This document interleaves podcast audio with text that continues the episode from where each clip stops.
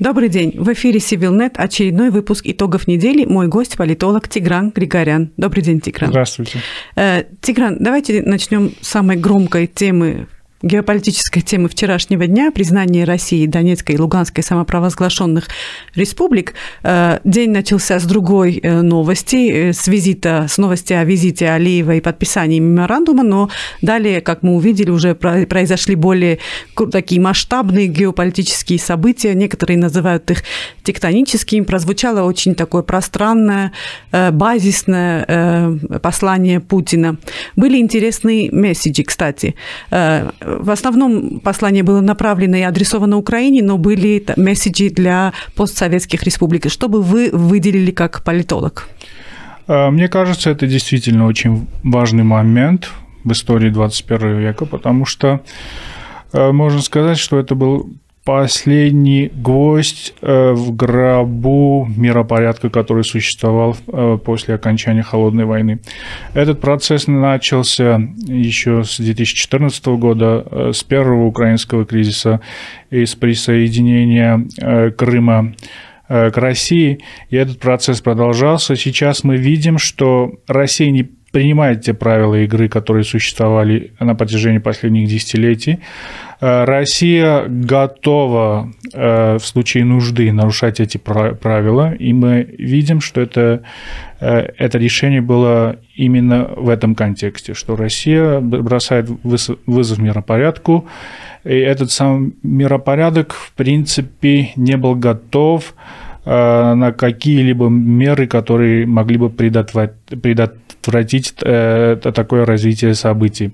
Что касается послания Путина, то это, конечно, э, э, был сборник всех его, на английском есть хорошее слово, grievances, всех его эмоций, эмоций, по поводу, да, эмоций размышлений. По поводу, да, размышлений по поводу Украины, которые существовали Э, у него с начала его президентства, потому что Украина является очень важной страной э, для, для нынешних э, властей России, потому что первый срок Путина, во время первого срока Путина случился первый Майдан, потом далее случился Евромайдан, и вот эта ситуация с Украиной для Путина является является символом Э, политики Запада по отношению к России и вся его идеология э, последних лет особенно, последних 10 лет строится вот на этом немного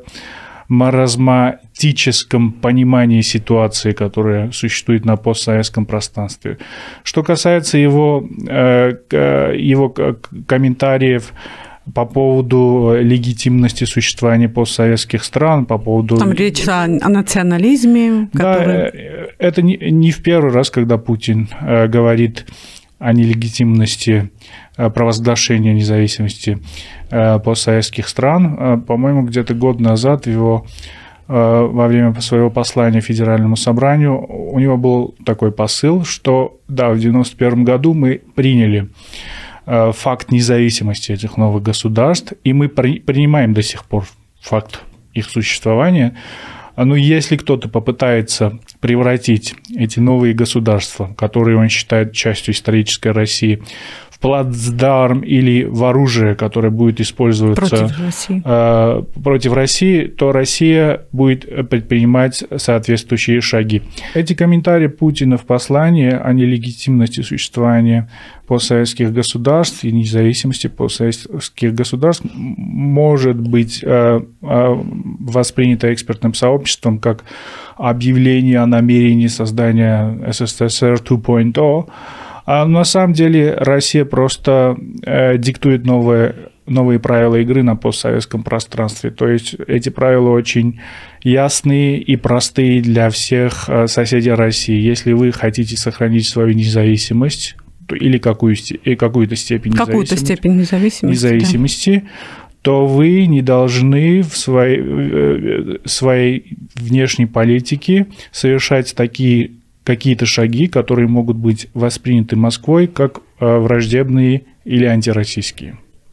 То есть меняется система безопасности Европы, новый правопорядок, и здесь уже постсоветские государства должны как-то подстраиваться под эти новые правила, так?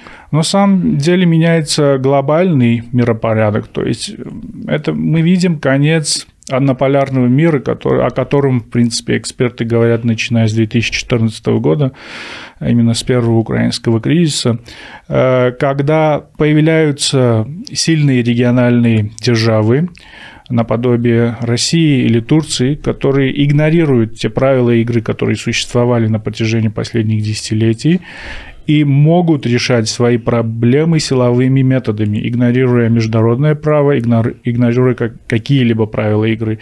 Мы это видели и во время Второй Карабахской войны, мы это видели на других, а, на других участках постсоветского пространства. И вот вчерашнее признание независимости ЛНР и ДНР – это самое яркое вот такое проявление а, нового порядка который сейчас начинает уже... Мы можем констатировать, что в общем и целом международное право как-то становится нерелевантным, и ссылка на международное право становится нерелевантной?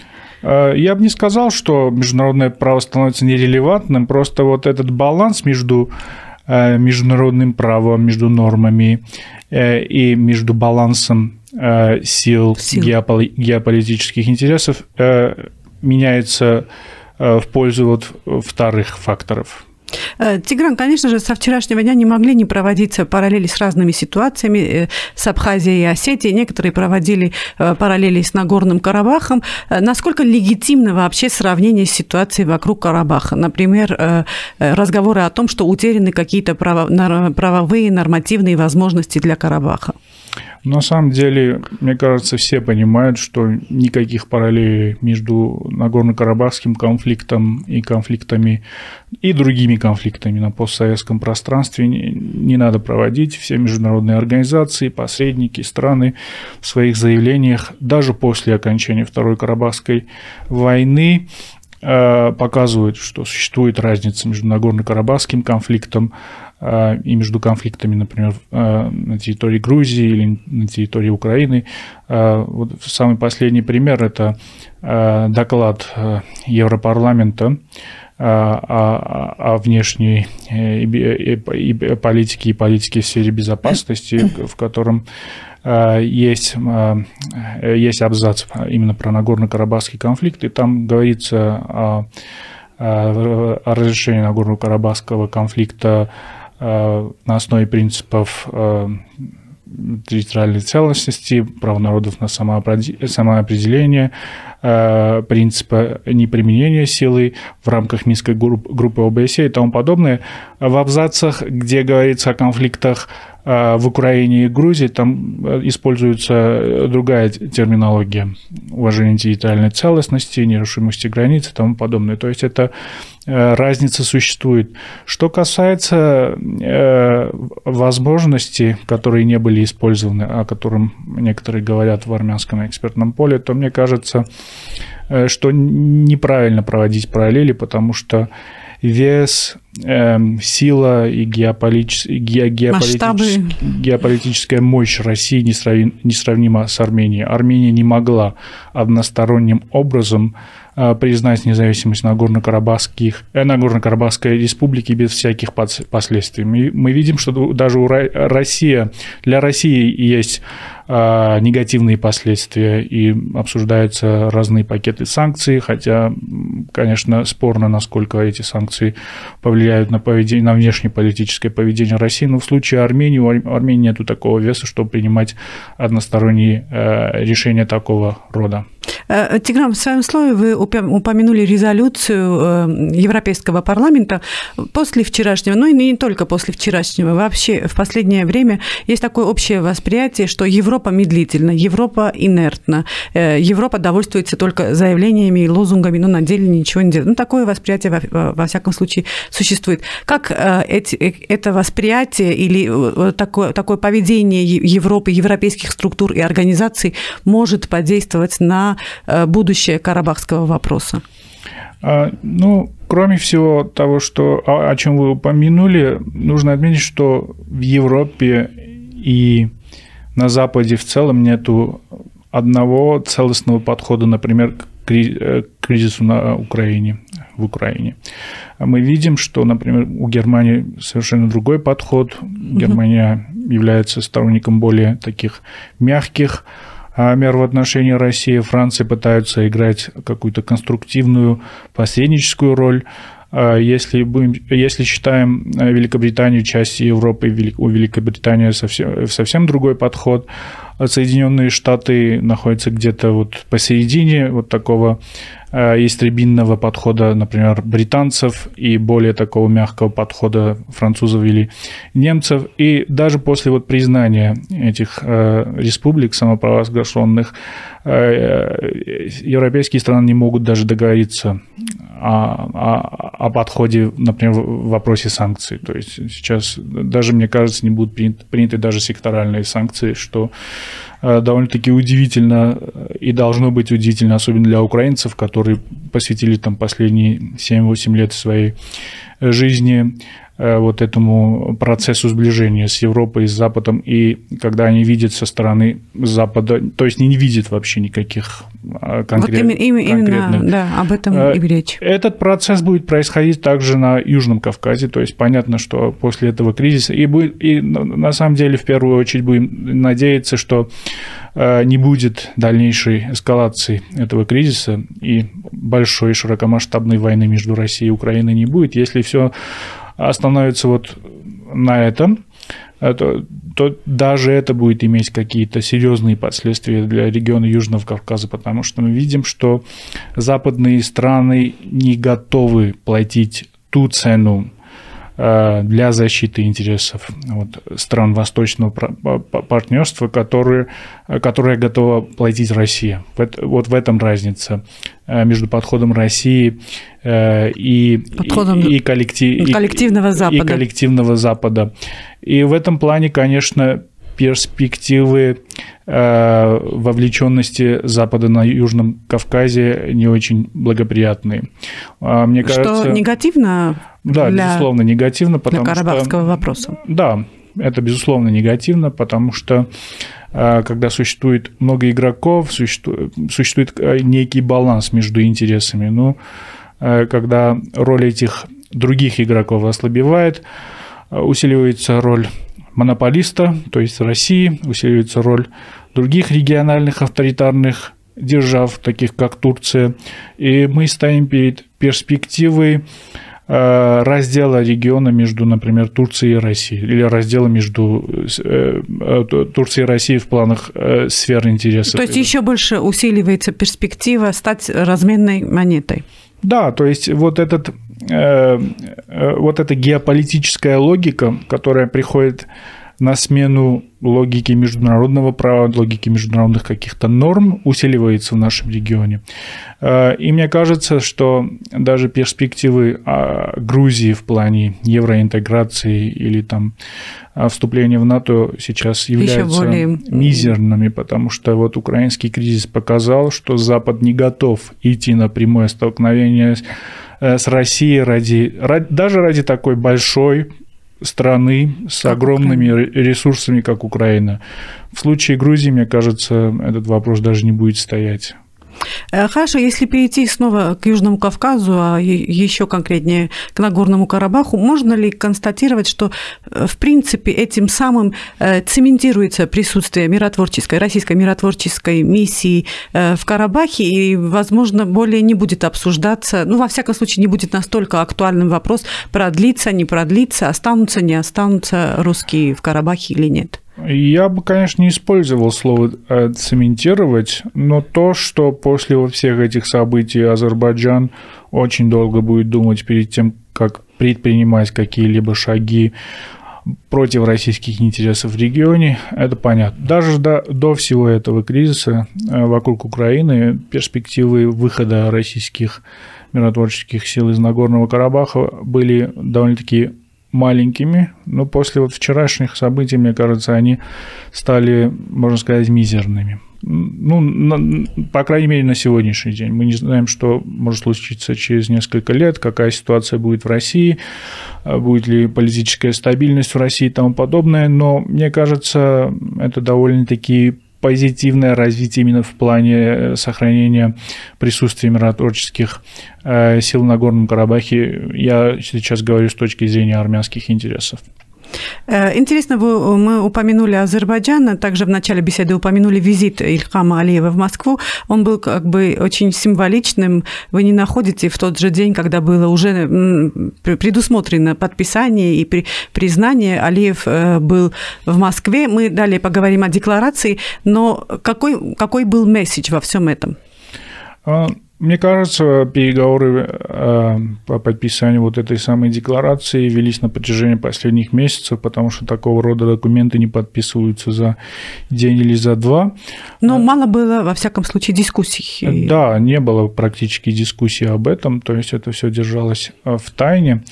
А, но вот тайминг э, появления а, визита Алиева в Москву, и особенно сегодня, когда планируется подписание э, декларации о, дружбе. О союзническом взаимодействии. О союзническом взаимодействии. Тайминг, конечно, был э, определен Москвой, потому что мы помним, что Алиев месяц назад посещал Киев, у него был официальный визит в Киев, где он там сделал несколько довольно-таки громких заявлений по поводу поддержки территориальной целостности Украины.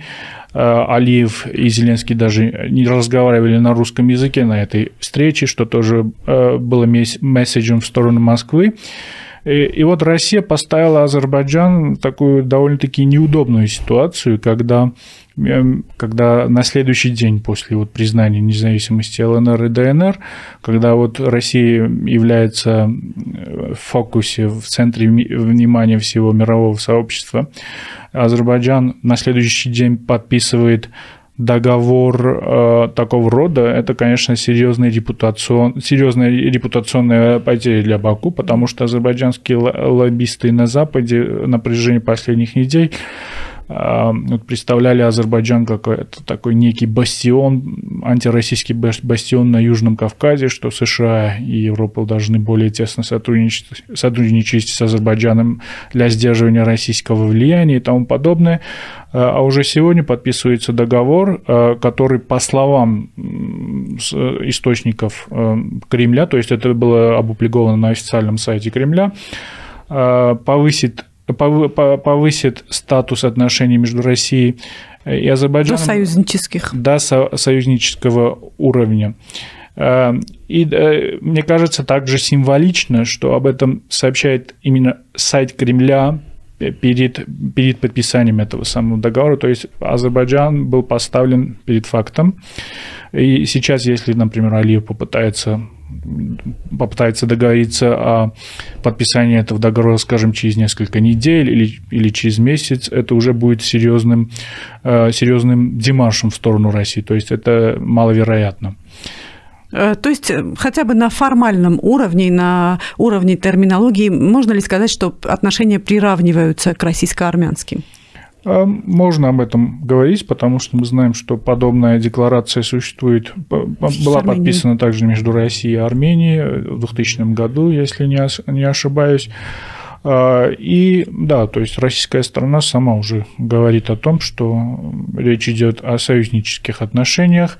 Если до этого Азербайджан считался стратегическим партнером России, Армения считалась союзником. стратегическим союзником, то сейчас э, в вопросе статуса есть равенство. Ну, в содержательном плане, конечно, особых изменений не, не случится, потому что мы видим, что на практике э, отношения России с Арменией, и с Арменией и с Азербайджаном на протяжении последних лет было довольно-таки сопоставимым. То есть Россия пыталась держаться равноудаленно или наоборот неудаленно э, в отношениях с Азербайджаном и с Арменией. И вот этот статус союзника Армении, можно сказать, что никак не проявлялся. То, то есть для России важен именно вот этот статус посредника между Арменией и Азербайджаном. И Россия э, ни в коем случае не будет идти на какие-то односторонние, то есть на одностороннее давление на одну или на ту сторону, будет пытаться сохранить вот этот свой нейтральный статус.